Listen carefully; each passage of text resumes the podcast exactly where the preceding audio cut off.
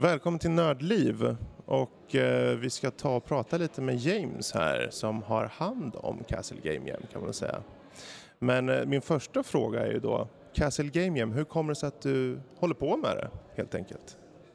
Ja, eh, sen jag kan göra en lång historia kort. Eh, jag har rest runt i världen för eh, företag och för att träffa utvecklare. För jag är lite taggad på att träffa de bästa utvecklarna jag kan hitta i princip. För jag, är själv väldigt, jag gillar att tävla i programmering till exempel. Men jag har aldrig riktigt blivit nöjd. Och då kände jag, men kan jag göra något åt det? Kan jag skapa ett eget event där jag försöker samla då de, de be, alltså bästa i form av de mest ambitiösa, de som verkligen brinner för vad de gör, mm. på ett ställe.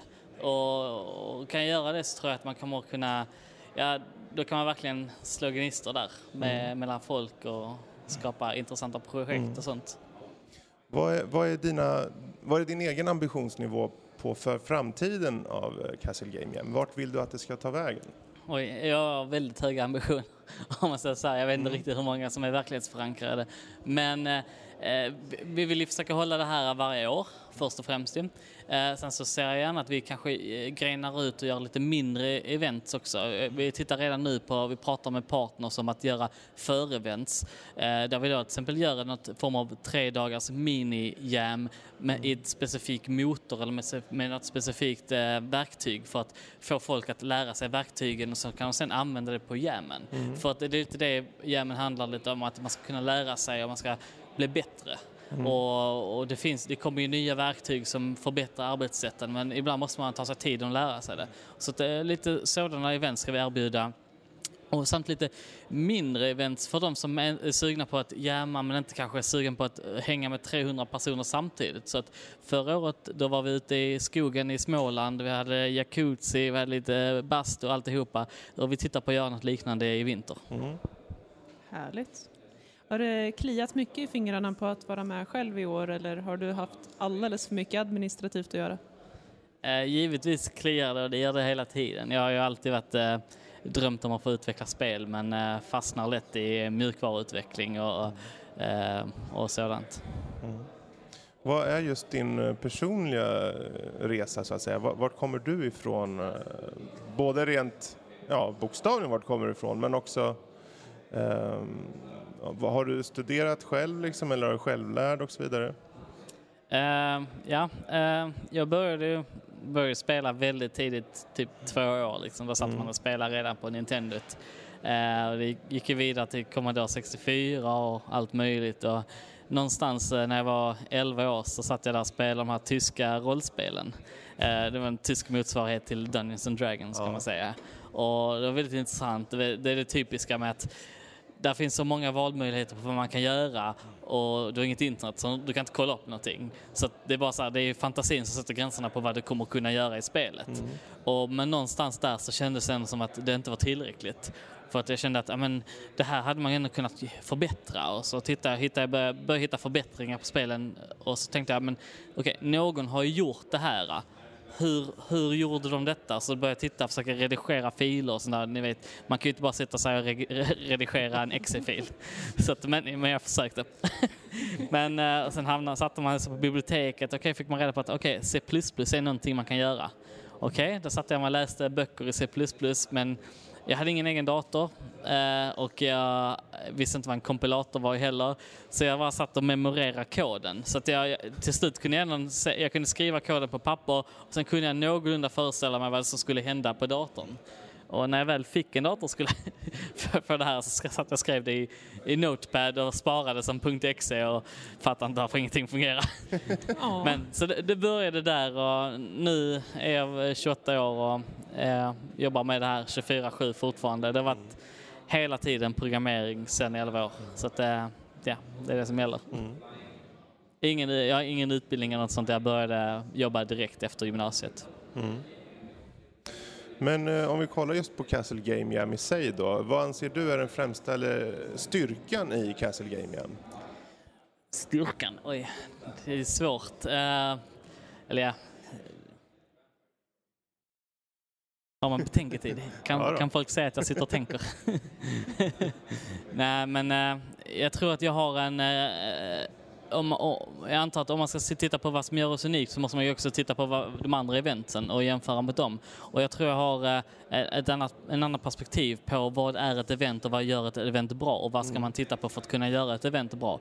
Eh, med detta säger jag inte att det här eventet är vad jag vill att det ska vara än. Eh, det, det saknas väldigt mycket detaljer på det här eventet för att jag ska vara nöjd. Även ifall många som är här är väldigt nöjda så är jag inte riktigt nöjd än. Mm.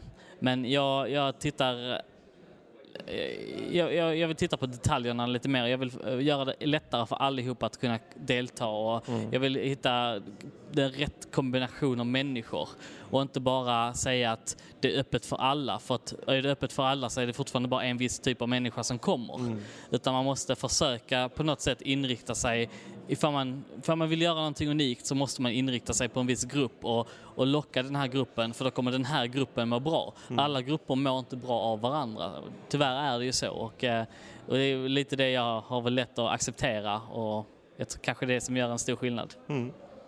Eh, på tal om öppet för alla, idag nu på lördagen så är ju faktiskt Castle Game Jam öppet för allmänheten eh, och bjuder in för att testa de olika spelen och sådär. Hur verkar det ha funkat? Ja, eh, det pågår ju nu och det är ju, det är ju kaos på ett eh, positivt sätt där ute. Det är jättekul att se eh, eh både barn och väldigt många äldre komma in här inne och testa spelen. Eh, eh, särskilt när det kommer till virtual reality-spelen så är det rätt kul att se de, de äldre testa på det. Och responsen från utvecklarna har varit positiv också. Det är, det är väldigt sällan de, jag vill säga så här, de flesta, eller snarare de har aldrig varit med om att på ett jam få lov att visa upp sina spel för vanliga människor, allmänheten så att säga. Så att, eh, det är ju en eh, kul att kunna erbjuda det och så här. Eh, så det känns positivt och jag tror det kommer förhoppningsvis ge en bra bild av vad spelutveckling är till allmänheten. För att det är fortfarande så, pratar man spelutveckling så tänker de ah, 15-åringar som sitter och spelar spel. Mm. Det är inte riktigt eh, samma sak. Mm. Om vi just tittar på deltagarna då. Um, vad, vad, tror du just deras ambition uh, blir påver- hur blir den påverkad av att delta på ett sånt här event? Uh, deras ambition? Oj. Ja. Uh. För många är ju, som vi har pratat med nu så är det ju många som är till exempel, ja det kan vara studenter vid universitetet, det kan vara folk som har kanske själv lärt sig och så vidare. Mm. Eh, men att delta vid sånt här event kan ju väcka många nya ambitioner, kanske nya tankar eh, och eh, liknande. Och därför då, vad tror du just, vad, vad, vad har en sån här, sånt här event för någon påverkan på deltagare?